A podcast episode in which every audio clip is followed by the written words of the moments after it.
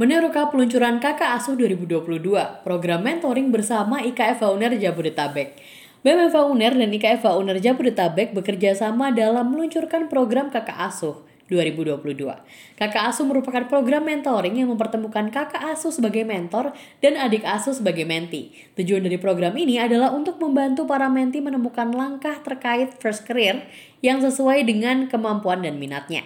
Aktor yang menjadi kakak asuh di sini adalah alumni FH UNER yang telah berkarir di perusahaan, lembaga pemerintahan dan peradilan seperti Kementerian Perindustrian, Kemenparekraf, Kejaksaan dan masih banyak lagi.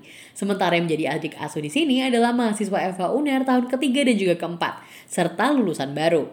Tujuan diluncurkannya program ini adalah agar para adik asuh tidak merasa sendirian dalam menentukan langkah setelah menyabet gelar sarjana.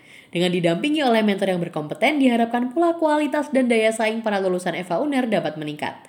Para adik asuh nanti akan mendapatkan ilmu praktis yang umumnya tidak akan didapatkan di ruang kelas, serta dengan program-program yang dimodel agar antara mentor dan menti lebih personal komunikasinya, sehingga mendapatkan kesan akses eksklusif dengan orang-orang yang sudah berpengalaman, dan juga keuntungan networking. Kakak asuh sendiri akan digelar pada April hingga Desember 2022, namun program ini sangatlah fleksibel.